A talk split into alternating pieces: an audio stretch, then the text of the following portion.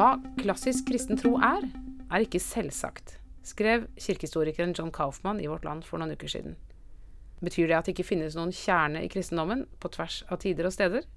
Du lytter til Dokka, en podkast fra Vårt Land. Jeg heter Åste Dokka, og dagens gjest er John Kaufmann, som er kirkehistoriker på MF Vitenskapelig høgskole. Velkommen. Takk. Du, John, kan du ikke bare um, åpne dette med å fortelle oss uh, hva du mener når du sier at klassisk uh, kristendom eller klassisk teologi ikke er noe selvsagt, ikke er noe gitt? Når jeg hvert år underviser teologistudenter i teologihistorie, så er mitt ansvar de første seks-sju århundrene hvordan utviklet den kristne teologien seg. Resultatet av de seks eller sju århundrene er kanskje det vi kan kalle noen klassiske dogmer klassiske dogmer om hvem Jesus er, hvem Gud er. Men de dogmene, de læresetningene, er resultater av en lang prosess.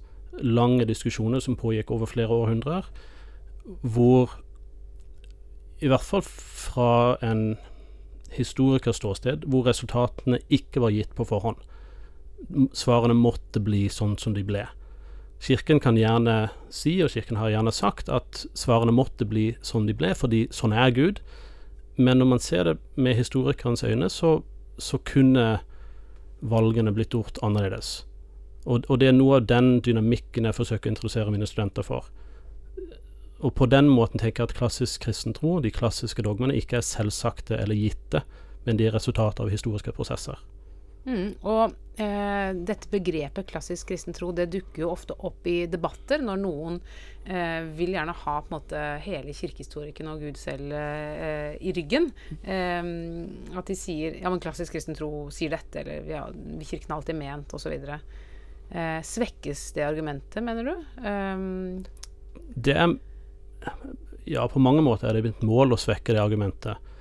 Fordi når jeg ser på historiens mangfold, så ser jeg at, at mennesker som selv har definert seg innenfor det kristne fellesskapet, ikke bare som individer, men som en del av, av det kristne fellesskapet, og ulike grupperinger i de ulike kristne fellesskapene, de har ment mange ulike ting om alt det vi kaller klassisk kristen tro.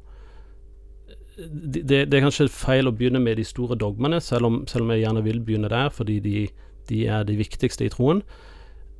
Men man bruker dette uttrykket også om svært mange andre ting samlivsetiske spørsmål eller eh, mange ulike spørsmål i kristen liv og kristen lære. Nei, men Kirken har alltid ment slik og slik.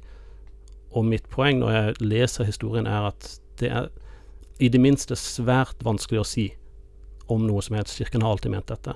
Mm. Og vi kan godt gjerne begynne ved, med disse store spørsmålene, som du sier, som er det viktigste for kirka eller for troen. Um, hvis vi ser på det kristne gudsbegrepet, så er jo det den treenige Gud. Det, det ordet treenig, det finner vi ikke i Det nye testamentet. Eller uh, læren om uh, uh, Jesu guddommelige natur og menneskelig natur. Det er også et dogme. Kan du si noe om hvordan de setningene på en måte dukket opp i vår kirkelige historie? De dogmene, eller de setningene om Gud som treenig og og om Jesus, Jesu to naturer, Jesus som både Gud og menneske. På sett og vis dukker de opp helt fra starten av, i den forstand at jeg, jeg, vil si de fleste forskere som nå jobber med Det nye testamentet, med de tidligste kildene, vil si at Jesus ble oppfattet som guddommelig svært tidlig. Vi har ikke kilder som kan gå tidligere enn det. Uh, liberalteologien på slutten av 1800- og begynnelsen av 1900-tallet mente gjerne at han ikke var det i de tidligste kildene. Men mange er enige om det nå. Uh, men selv om man sier at de tidligste kildene omtaler Jesus som guddommelig på en eller annen måte, så gjenstår det en helt, en helt vanvittig mange spørsmål likevel. Hva, hva skulle det bety?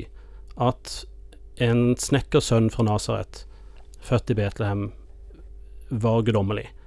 Betyr det at han sluttet å være menneske? Var han menneske først, og så ble han guddommelig senere?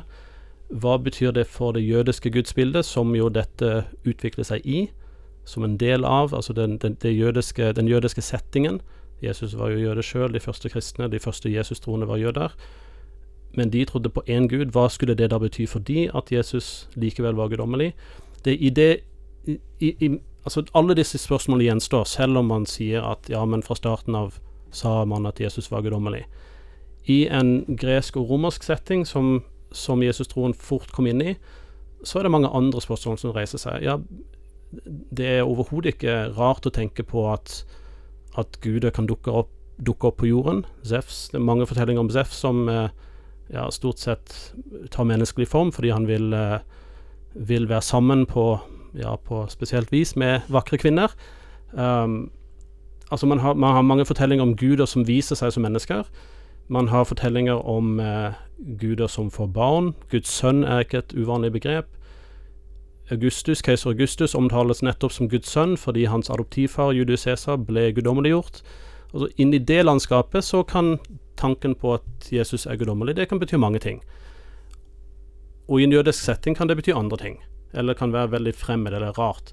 Og, og poenget som jeg vil fram til, er at, at alt dette blir en del av diskusjonen fremover i, i mange hundre år. OK, la oss, la oss, si at Jesus fra starten av ble forstått, eller i hvert fall etter, etter opplevelsen av at han sto opp fra de, døde. OK, han ble forstått som guddommelig, men hva i all verden betyr det? Og Kirken bruker 600-700 år på å diskutere seg fram til det, og avvise mange måter å forstå det på. Uh, snevre det inn, skape disse læresetningene, da. Som ender bl.a. opp med å si at han er virkelig Gud og menneske, fullt og helt, samtidig. Uten at de blander sammen, uten at han blir verken mer guddommelig eller mer menneskelig, selv om det er et paradoks. Og man ender opp med å si at nei, vi tror fortsatt på én Gud, men vi tror på Fader, Sønn og Hellig Ånd, en treenighet. Og man må finne terminologi for å klargjøre det. Og, og, det er den lange prosessen som Kirken går inn i etter, etter at de tidligste kildene er skrevet etter Det nye testamentet. Og det er den lange prosessen og, og, igjen, sett, sett som, som, historiker, når jeg ser på denne utviklingen, denne lange historien, så kan ikke jeg på forhånd bestemme at ja, men, men de som hadde rett, de vant alltid. Mm. Det er jo en, en, banalitet. Historien skrives av seierherrene. Og beskrivelsen av disse prosessene er ofte skrevet av de som vant debattene. Og vi ser det gjennom deres øyne fra innsiden. Og fra innsiden, gjennom deres øyne, så er det selvsagt den De vant debattene, det var sant, det de kom fram til. Mm. Og, og det, det, det landskapet, eh, å se det innenfra gjennom deres øyne, eller å se det utenfra, fra ulike perspektiver. Det er det landskapet jeg jobber. Mm. Og, nå er jeg litt på tynn is her, men eh, stemmer det at eh, det fortsatt finnes arianske kirkesamfunn i dag? Som, og de har en annet, annet syn på, på, Jesus uh, enn det som er ikke, liksom, ikke direkte ariansk i den forstand at de har overlevd gjennom 1700 år uh, av historie. At det finnes For de tapte en strid? De, de tapte en strid på 300-tallet. Mm. Uh, at at noen av de samme spørsmålene dukker opp senere i historien, i nye former, i nye settinger, det, det er godt mulig. Man vil gjerne finne, gjenfinne ja, arianske standpunkter også i dag, men, men, ikke som et kirkesamfunn som overlevde. Debattene på 400-tallet om, om Jesu eller Kristi to naturer, menneskelig og guddommelig, og hvordan de hang sammen, forholdt seg til hverandre, den debatten førte til en varig, kirke, varig, varig kirkesplittelse uh, på fire, rundt, 500, rundt år 500. Og de kirkene finnes fortsatt. Det er jo den koptiske kirken i Egypt og, eh, og den, den syrisk-ortodokse kirken og uh, kirken i Sentral-Asia. De, de, gikk sin egen vei etter debattene på 400-tallet, nettopp pga. disse teologiske stridighetene, teologiske debattene. Mm. Iblandet en god dose politikk og rikspolitikk. Eh, når du snakker nå, så tenker jeg jo at, uh, at det er interessant um, hva slags syn vi har på uh, historien. Altså uh, For det er klart, som også Oskar Skarstein skrev i et svar til noe av det du hadde sagt, så sa, sier han ingenting er, Det er jo ikke tilfeldig. Ja, dette er historisk, men det er ikke tilfeldig. Eh, eh, hvordan ting har utvikla seg. Og jeg, jeg, tror det han mener altså Selvfølgelig er jo ingenting tilfeldig i historien. Eh, eller veldig få ting i historien er tilfeldig. Alt har en årsak, eh, og det får en virkning. Eh, men jeg regner med at det Skarsjøen tenker på når han sier at det ikke er tilfeldig, er at det har en eller annen type teologisk verdi. Eh, den årsaken som førte til dette vedtaket, liksom. At det ikke kun er politikk eller makt som har gjort at sånn og sånn ble vedtatt, men at det finnes en eller annen type kirkelig hånd i historien, eller en Guds hånd i historien. Hva tenker du om det? Tror du Gud handler i, i historien på den måten? Jeg, jeg, er helt enig med både det du sier og det Oskar sier, at det ikke er tilfeldig. Um, jeg tror heller ikke det er noe særlig tilfeldig i historien. Alt har en eller annen årsak. Det at Gud skal ha ledet kirken i Romerriket til visse teologiske standpunkter, det tror jeg at jeg tenkte før. Uh, jeg finner den tanken veldig krevende nå. Annet fordi jeg da må ta stilling til ja, hvilken, hvilken, side i disse debattene var det Gud ledet. Og man kan jo gjerne spørre eh, alle som finner noe rikt, noe spennende, noe interessant i den koptiske kirken i, i Egypt, som jo er en minoritetskirke i et uh, muslimsk samfunn, uh, lever under press, og, og man, mange vil gjerne støtte og identifisere seg med den koptiske kirken. Men de tapte en debatt på 400-tallet, og det endte med kirkesplittelse mellom kirken i, i Konstantinopel og kirken i Alexandria i Egypt. Uh, hvilken side i den debatten, debatten, var det Gud egentlig sto på, og hvem var det han egentlig ledet? Man kan stille det samme spørsmålet om reformasjonen. Hvilken av de, av de mange kirkene som oppstår etter reformasjonen, er det egentlig Gud leder? Det i seg sjøl gjør at jeg, at jeg nøler med å plassere Gud på en eller annen side i en debatt. En annen, et, et, annet tema som, som, er fra en senere tid, er jo debatten om slaveri i England og USA på 1700- og 1800-tallet. Hvor det fantes kristne på begge sider som argumenterte for at det de sto for i den debatten, var både bibelsk og, og ledet av Ånden. Og vi vil gjerne identifisere oss med de som kjempet mot slaveri. Så ja, selvfølgelig var det de som var ledet av Ånden men i samtiden så, så sto det like sterkt på begge sider. Vi, vi, har bibelske tekster på vår side, og ånden lener oss. Dette er Guds ordning. Dette er ordningen for verden, slik det alltid har vært. Slaveri er, er bare slik verden er, og det er helt OK. Det var kristne som argumenterte slik. I, i, den, i samtiden så, så var det åpent for debatt hvilken side Gud egentlig ledet. Um, en annen side ved, ved dette spørsmålet med, med Guds ledelse i kirken er av og til spør jeg meg selv hvis, hvis Gud ledet bestemte mennesker eller bestemte kirkemøter fram til sannheter om teologiske spørsmål, hvorfor i all verden gjorde ikke han det samme uh, og ledet de fram til sannhet om etiske spørsmål, f.eks. om voldsbruk, til støtte for det du opplever som sant? Krist kirken gikk fra å være en, uh, en forfulgt minoritet og jeg nyanserer alltid dette masse i undervisningen, forfulgt til ulike tider, ulike steder, på ulike måter, ikke sammenhengende. Men en minoritet som opplevde press under Romerriket. Og det gikk ikke veldig lang tid før man endte opp som en, i hvert fall til en viss grad, forfølgende majoritet på troens og sannhetens vegne. Det ligger en, en iboende dynamikk i det å å være hellig overbevist om at jeg har rett, jeg har Gud på min side. Gud har ledet meg eller min kirke eller mitt samfunn, mitt land, til der vi er nå. Det ligger en iboende dynamikk i det at, at det lett fører til vold, enten metaforisk, verbalt eller fysisk. Vi har fortellinger fra, fra disse debattene på, på 300-400-tallet.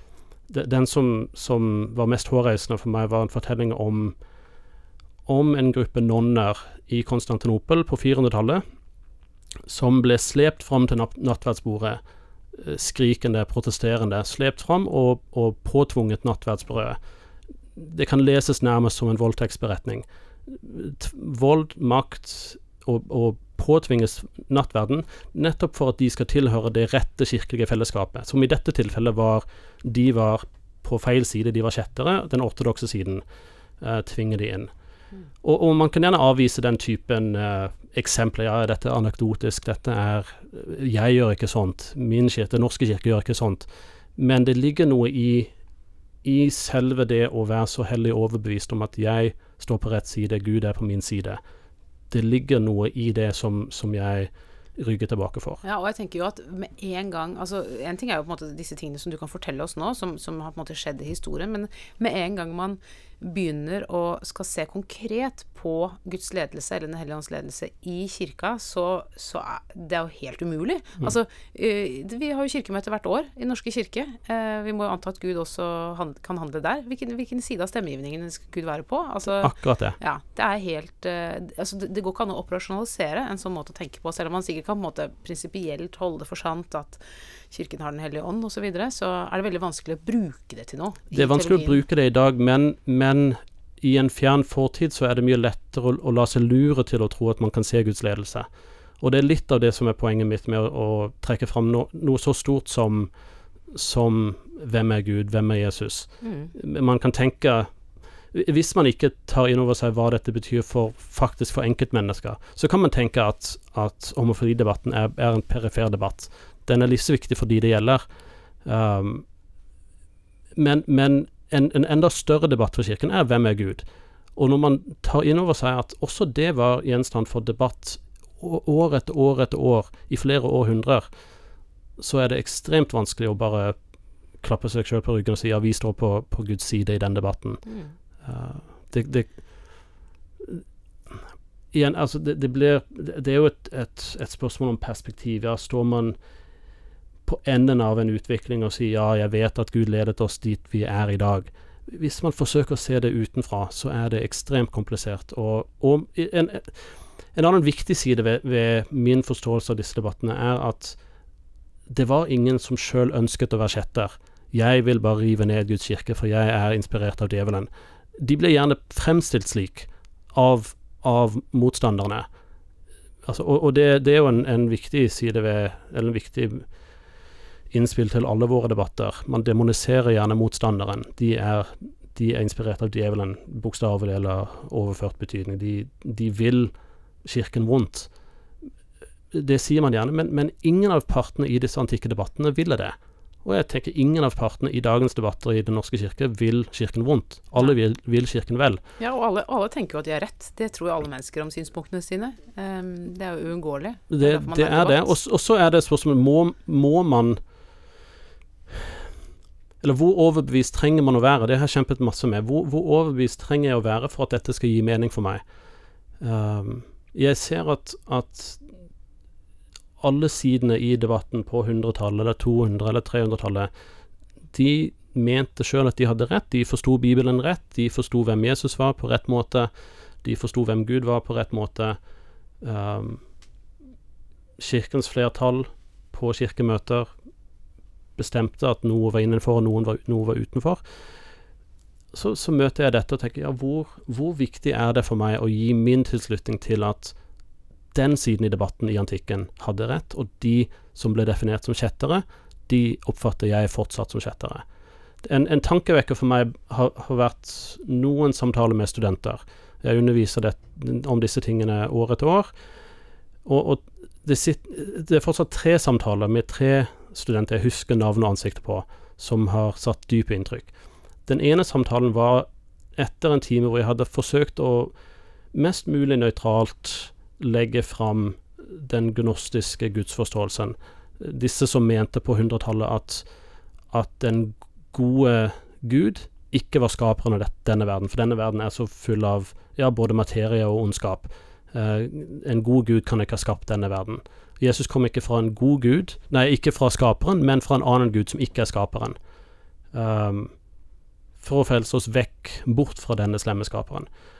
Uh, og, for meg, det, det er jo ikke en del av den kristne fortellingen nå. Det er ikke klassisk kristen teologi. Det ble avvist pga. Av, av debatter som skjedde på 100-tallet. Men da jeg la dette frem for en gruppe studenter, så var det en som sa og, og, og, og først, hensikten min var på ingen måte å overbevise de om at dette er en god måte å forstå kristen teologi på. Skaperen er slem, Jesus kom fra en annen gud for å oss, redde oss vekk fra den slemme skaperen. Men en student sier bare dette ga mening. Dette gir så mye mer mening enn alle de forsøkene på å forklare ondskap hvis, hvis vi tror at skaperen er god. Og det jeg, jeg ble først litt sjokkert. Oi, det, ok, det er spennende at dette gir mening for deg, for dette gir ikke så god mening for meg. Og det, det ga meg et innblikk i hvordan disse debattene må ha skjedd i antikken. Ikke fordi noen vil rive kirken ned, men nettopp dette gir bedre mening for meg enn det presten sier. Um, Ja, og det finnes jo helt sikkert også andre sånne typer hvis, altså Dersom vi hadde hatt disse debattene i dag, så hadde vi fått andre typer eh, fordelinger enn det vi kanskje ville tro. Og andre, også andre måter å forstå disse tingene ville kommet fram. Andre løsninger, andre forslag. Men la oss, eh, Du nevnte jo i stad dette med eh, fortolkning, det den rette fortolkningen av Bibelen. fordi det er jo det viktigste historiske dokumentet som kirka har, er jo Bibelen. Eh, men den er heller ikke eh, falt ned fra himmelen. Den er også et resultat av en historisk prosess. Eh, ser du Er det for deg et eh, skille mellom Bibelen og andre klassiske kristne tekster? Eller ser du den på lik linje? Bibelen, eller Det nye testamentet, er jo viktig fordi det er fra den, den det, det er de, de tidligste kildene vi har. Vi har fortsatt ikke noen kilder til, til en tidlig forståelse av Jesus som, som er tidligere enn en de skriftene som er i Det nye testamentet. Men, men Det nye testamentet omfavner en, en rekke både måter å, å tenke om tro og liv på. Eh, Det, det er et, et mangfoldig sett med dokumenter, ikke ett dokument skrevet av én person. Uh, og man kommer selvfølgelig inn i teologiske debatter. Er ikke det inspirert av Gud? Er ikke det egentlig en forfatter, Gud som er forfatteren? Og den uh, Jeg tror ikke jeg skal prøve å gå inn i den debatten engang. Men um, ja, Nytestamentet er, er selvsagt viktig. Um, jeg jobber ikke primært med Det nye testamentet, jeg jobber med tiden etterpå. Så mitt, mitt innfallsvinkel er, er hvordan forstås og brukes Det nye testamentet. Og hvordan samles Det nye testamentet? Hvilke tekster skal inngå i Det nye testamentet, i, i Kirkens hellige skrifter? Et enda mer grunnleggende spørsmål som jeg reiser overfor studentene, er trenger en religion å ha hellige skrifter? Er det nødvendig? Det ble reist allerede på 100-tallet i, i, denne debatten om den gnostiske troen, eh, med en teolog som heter Ireneus, som jeg har jobbet mye med. Eh, som jeg vet at også du har jobbet med, Mm. Åsta. Um, hvor Ireneus sier annet rett ut Selv om vi ikke hadde hatt skrifter fra apostlene, så hadde troen blitt overlevert i kirken. Det vil si at på slutten av 100-tallet så er det helt opplagt for han at kirken går, kommer før og forut for Bibelen, Det nye testamentet, Skriften. Og det er jo en katolsk eh, og en ortodoks tanke, eh, som er krevende for protestanter, fordi Skriften alene ble et så viktig prinsipp eh, under reformasjonen. Eh, men, men kirken er før Skriften. Ireneus sier at vi ville hatt en kirke, vi ville hatt evangeliet, selv om ingen skrifter var blitt skrevet. Og så sier han at det er ikke nok å lese dis, disse skriftene og vise til skriftene. Fordi alle de som jeg er uenig med, alle de jeg kaller kjettere, de leser de samme skriftene. De leser samme, de samme tekstene, men de tolker de på andre måter. Så han, han, han legger fram en argumentasjon om, om rett og slett om hermenetikk, tolkningsteori, hvordan man tolker, og hvordan man kommer fram til en god tolkning. Jeg, jeg skal skrive en del om det i, i boken også, som jeg jobber med, og, og jeg underviser om dette hvert år til studenter, hvordan han argumenterer for, for sin tolkning. Men poenget er at tolkningen er avgjørende, ikke skriften i seg selv, for den han vet at den ikke er nok i seg selv. Nettopp, og hvis vi skal overføre dette til vår tid, så betyr jo det bare at eh, Bibelen kan ikke redde oss ut av denne floka. På ingen måte. Eh, at det, det er jo på en måte Det er en del av, det, av problematikken som gjør at det eh, Man kan ikke skjære, liksom bruke Bibelen til å skjære gjennom alle de historiske debattene, for det er mye mer komplekst enn som så. Jeg skrev et lite innlegg i, i avisen Dagen for uh, seks år siden, i 2013, med overskriften 'Kan Bibelen avgjøre teologiske spørsmål?' Ja. Uh, og, og fikk mye motbør mot på den, uh, men leste gjennom den igjen i går, og så tenker jeg her, jeg, jeg står fortsatt for alt det jeg skrev der. Nettopp fordi Bibelen i seg sjøl ikke, ikke gir noen svar. Den må leses, den må tolkes, og, og ubønnhørlig så oppstår det ulike tolkninger. Og, og det er bare en sånn banal historisk kjensgjerning. Hvis man ser på tiden etter reformasjonen, hvor man nettopp skulle finne svar i Bibelen alene, Skriften alene, hvor dette fremmes av Lytte og rendyrkes enda mer av baptister og etter hvert pinsevenner og ulike miljøer. Altså Skriften alene-prinsippet. Hva har det ført til, annet enn en helt vanvittig oppsplitting? Ja. For man ender opp med hver sin tolkning. Eh, små flere og flere små kirkesamfunn som sier 'jeg har forstått Bibelen rett'. Ja, Jeg er bruker en, en liten, et bilde av dette for studenter hvor jeg viser en, en søndagsskoleklasse, og læreren viser kirkens oppsplitting gjennom 2000 år, og peker på en, en liten en liten linje ut til siden eh, 1500 år senere. Her kom vi. Eh, vi forsto Bibelen rett. Jesus er så heldig som har oss. Og det er litt den holdninga at ja, vår, vår forståelse av Bibelen er den rette. Så står jeg utenfor og ser at det finnes utallige Det er mer komplisert enn det. Og øh, hvis, hvis vi nå på en måte tenker at det, er et skille mellom fortida og historien, altså det er et skille mellom måte, hva som nå en gang må ha skjedd eh, for 2000 år siden, eller 1000 år siden for den saks skyld, og den fortellinga vi forteller om det, den historien, eller det, det historievitenskapen kan finne ut av. Men, men hvis vi på en måte velger Hvis vi kan sette det i parentes litt, det skillet der, og tenker Ja, la oss nå si at vi kunne vite hva de første kristne mente eh, eh, Eller hva som var på en måte flertallet, eller et eller annet sånt noe. Eh, ville det automatisk ha gitt oss svaret på hva vi skulle mene? Altså er, det, er kirkehistorien på en måte alltid normativ? Og da vil jeg faktisk til dette spørsmålet lese en liten tekst fra Det nye testamentet, fordi som jeg syns illustrerer det spørsmålet ganske godt. Det er fra apostelgjerningene 15, eh, hvor, eh, hvor eh, apostlene har en uenighet seg imellom om hvilke regler som skal gjelde for eh, de som har kommet til tro, som ikke er jøder i utgangspunktet. Eh, og, konklusjonen er da skrevet ned i apostelgjerningene. Den lyder sånn. Den hellige ånd og vi har besluttet å ikke legge noen annen byrde på dere enn disse helt nødvendige tingene. At dere holder dere borte fra kjøtt som er ofret til avgudene, fra blod, fra kjøtt av kvalte dyr og fra hor. Om dere passer dere for slikt, vil det gå dere godt. Lev vel. Så her har vi altså et eksplisitt forbud i Det nye testamentet, som Den hellige ånd og apostelen har besluttet, at vi ikke skal spise blod. Men vi spiser jo blod. Vi gjør det. Ja. Ja, kanskje flere nordmenn enn jeg gjør, Ja. men Jeg, Jeg gjør spiser blodpølse, i hvert fall. Nettopp. Ja. Eh, hva, hva, hva forteller eh, Hva forteller det oss om måte, normativiteten i historien? Når vi ikke bryr oss om sånne type tekster som dette her? Det, det, det viser jo for det første at tanken på at, at Den hellige ånd har ledet kirken, den har vært med kirken helt fra i hvert fall fra den teksten ble skrevet. Vi og Den hellige ånd har besluttet. Jeg tror ikke Den norske kirkes organer er så frimodige. Vi og Den hellige ånd har bestemt at uh, slik og slik skal være i Den norske kirke. Nei. Man er mer forsiktig nå, men, uh, men de var frimodige. Og samtidig, ja, så overser vi det. Noe av det mest eksplisitt, et eksplisitt påbud i Det nye testamentet for kirken, så overser vi det. Og det Ja, man overser jo gjerne ikke hor-delen, for den uh, av en eller annen grunn så har det blitt viktig fortsatt, men, men, men uh, blodpudding uh, overser ja, ja, Hva skal man si om det? Enhver tid må jo må jo finne ut hva, hva den tror. Kirken i enhver tid. Jeg er i utgangspunktet konservativ. Personlighet. Jeg liker det bestående. Jeg, jeg liker lange tradisjoner. Um, skaper tradisjoner med mine barn.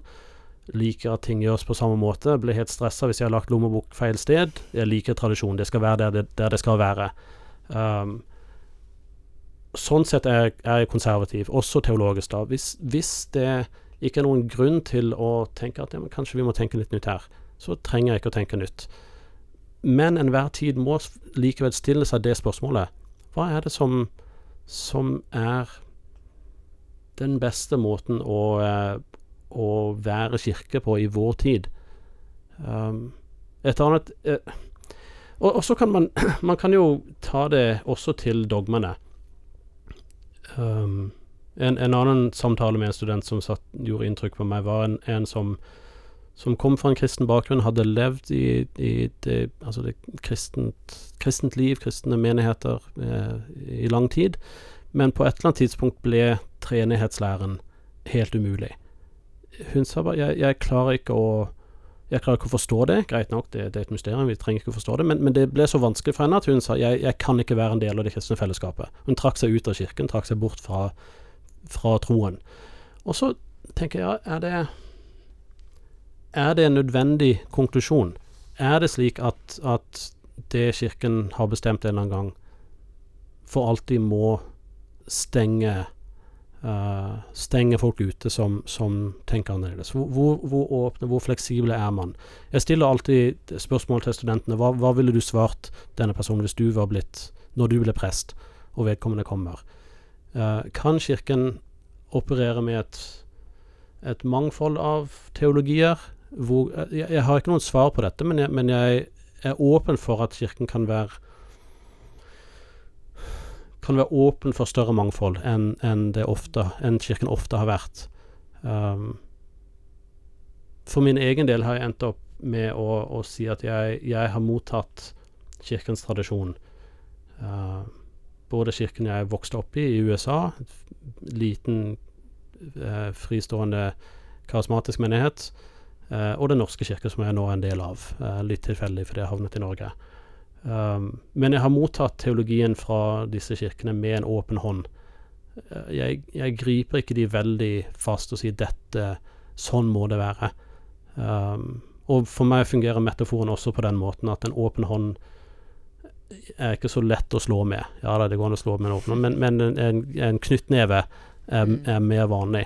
Å gripe sannheten og si 'jeg har forstått sannheten', dette, dette sånn må det være da er det lettere å bruke det som knyttneve.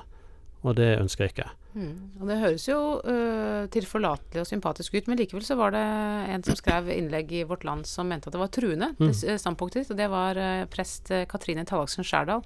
hun skrev et lengre innlegg i Vårt Land og, og, og, sa vel noe om at de tingene som du står for her, det gjør det vanskelig å tro. Um, Uh, og at det, at det, var, på en måte truende med disse uh, Dette å trekke historiens uh, nødvendighet i tvil. Um, men da tenker jeg um, hva Altså hvorfor skal vi tro at noe er sant? Mm. Skal vi tro at noe er sant fordi en historiker kan slå fast at det var entydig i århundret? 100? Eller, vi, eller er det andre, det må jo være noen andre ting i spill her som er vel så viktige. Mm det er, altså det er mange måter å nærme seg dette spørsmålet på. En, ting jeg må si, at min, min, egen vei inn i dette har har annet vært um,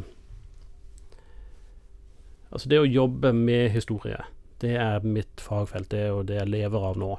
Uh, det gjør at jeg ikke kan trekke meg tilbake fra ting som jeg møter i mitt arbeid, som, som truer min tro. Uh, jeg opplevde at, at mye av det jeg leste om den tidlige kristentiden, at, at det var faktisk truende. Uh, opplevde på en måte at det jeg trodde var en fast klippe, fast grunn, smuldret opp, ble til sand. Uh, hva, hva, står jeg på nå? Hva, hva tror jeg? Um, jeg opplevde det ganske tidlig etter at jeg var ferdig med doktorgraden og, og begynte å undervise dette. Og da, da, måtte jeg gå mange runder med, med min egen tro. Hva, hvor fast er den egentlig? Hva holder jeg fast? Hva, kan jeg la smuldre opp og si det, det er ikke så viktig for meg om det er sånn eller sånn. Uh, så det har vært en del av min prosess. Poenget for meg har hele tiden vært å finne en måte å, å forbli i troen, uh, selv om ting kanskje smuldrer opp. Og, og, og, det jeg har kommet fram til, som, som, jeg så vidt får snakket litt om i disse avisinnleggene og i podkasten i dag, og skal jeg skrive mer om i boken, er min oss, in, inkludere min vei gjennom dette som, som troende. Hvor jeg nettopp ender opp med at, at, det er mye mindre som står fast og urokkelig enn det var tidligere, da jeg var en, en from, ung, konservativ kristen fra USA. Um, og det er OK for meg.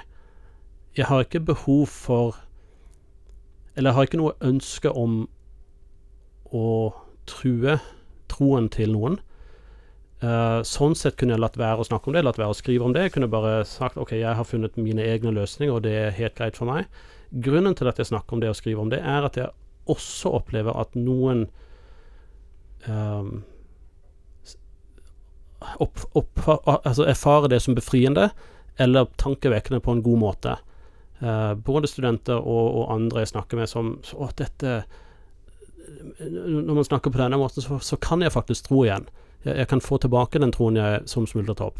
Um, eller som ble så urokkelig at jeg ikke klarte å leve med den. En, en eller annen tro hvor man bare må, må, holde fast at sånn må det være. Det kan også bli for krevende, og så forlater man det hele. Um, så, jeg, så jeg snakker om dette og skriver om dette fordi jeg opplever at noen syns det er enten er befriende eller tankevekkende på en god måte. Jeg tenker at teologistudenter de må forholde seg til krevende spørsmål fra historien. Hvordan ble denne religionen til? Eh, hvordan ble de tidligste skriftene til? Hvordan ble viktige læresetninger til?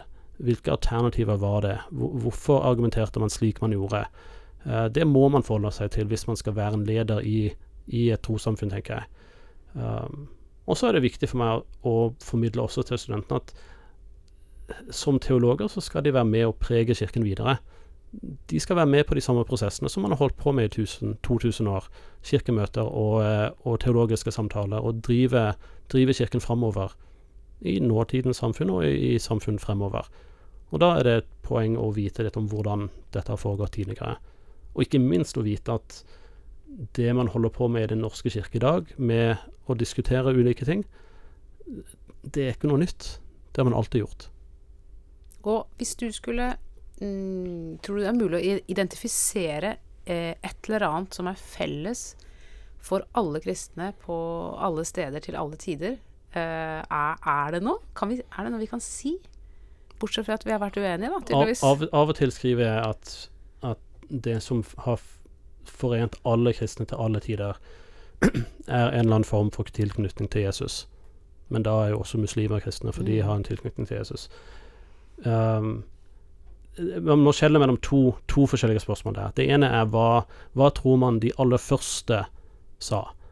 Um, jo, de, man tror at de aller første, så, så vidt kildene viser, så, så, trodde de at Jesus var guddommelig. Det forente de. Og det har forent nesten alle kristne på en eller annen måte var Jesus guddommelig, men ikke alle. Uh, det finnes Det har, har vært grupperinger som, som, mener at nei, men han var bare et godt menneske, ikke noe mer enn det. Og, det. og det er nok for meg, vil noen si. Det er nok for min tro. Jeg vil tilhøre det kristne fellesskapet. Jesus trenger ikke å være Gud. Hva gjør en prest med det? Um, så hvis man, hvis man, tar alle kristne til alle tider, alle som sjøl definerer 'jeg vil være en, innenfor en del av det kristne fellesskapet' Dåp har fulgt Kirken nesten til alle tider i så å si alle kristne sam fellesskap, kristne samfunn, kirkesamfunn. Um, men hvordan den har forstå blitt forstått, hva er det den gir, når er det den praktiseres, spedbarn eller voksne, eller gir den syndenes forlatelse, gir den uh, Er det for arvesynden, eller bare for syndene du sjøl har begått? Uh, altså, det, det, den, har, den, har, vært forstått på så mange ulike måter. Den, at det blir vanskelig å kalle den felles for alle, når innholdet har vært så ulikt. Mm. Uh, en ting jeg syns er interessant i dette, er jo uh, den tiltroen vi har til de første kristne. Mm. At de skal ha forstått ting uh, på en optimal måte. på mm. en eller annen måte. Du ser jo hele tida i, um, i evangeliefortellingene hvordan Jesus irettesetter disiplene ganske mm. kraftig. Og, og, hvordan også du ser i brevlitteraturen hvordan de menighetene krangla seg imellom. At det, jo, det, er jo ikke nødvendigvis så gode svar å finne heller der. Nei, og, og man Så lenge man finner de svarene man er enig med, i de tidligste skriftene, så, så er det trygt og godt. Uh, de er enig med meg, eller jeg er enig med de. For meg som historiker ble, ble det et dilemma da jeg måtte tenke på det teoretiske uh, Eller hypo, det, det, hypotetiske spørsmålet. Hva om, om, man oppdager kilder som faktisk viser noe helt annet? For det, det vet jeg ikke. Det må jeg være åpen for som historiker. Og da kan ikke jeg på forhånd avvise og si nei, de kan ikke være tidlige, fordi de er ikke en de, altså Innholdsmessig stemmer ikke de med det jeg tror er det tidligste. Hvis min tro er avhengig av at, av at det er den aller tidligste, det aller tidligste vitnesbyrdet som gjelder, så er min tro, min tro er, Da er min tro konstant utsatt for trussel fra historiefaget. Og, og det blir vanskelig å leve med. Um, ja, det du sier er egentlig Du er historiker. Og derfor er ikke historien viktigste, eh, det viktigste kriteriet for din tro. Nei, kanskje, kanskje jeg kan si det sånn, nett, nettopp fordi våre fortellinger om historien også forandres. Og du, du, sa at vi skulle sette parentes litt rundt eh, historiefaget, men, men, men, det, men, jeg klarer ikke å gjøre det heller, fordi um, fortiden i seg sjøl er borte. Vi, den, den, finnes ikke mer. Fortiden er borte. Det vi har igjen, er kilder som vi forsøker å tolke. Og de tolkningene, de, sånn som bibeltolkning, tolkning av alle mulige kilder fra historien, de tolkningene forandres Uh, ulike, ulike, forskere ender opp med ulike tolkninger. Hvis min tro er avhengig av at en bestemt tolkning er riktig, da er min tro veldig utsatt. Og det er jo det som er trusselen i det jeg skriver. Uh, blant annet. Hvis, hvis, hvis, min tolkning av fortiden er annerledes enn noen har bygd sin tro på, enn en den tolken noen har bygd sin tro på, så er jeg en trussel mot deres tro. Uh, jeg vet ikke om det gir noen svar her, men jeg syns i hvert fall dette er det, det, er et krevende landskap å være i. Og hele, hele, prosjektet mitt er nettopp å forsøke å være både historiker og troende. Og ta begge to på alvor. Og uh, Løsningen så langt er å, for meg er å holde ganske mye i en åpen hånd. Historiker og troende, å holde det sammen. Tusen takk for at du kom hit, eh, John Kaffmann, og produsent har vært Sondre Bjørdal.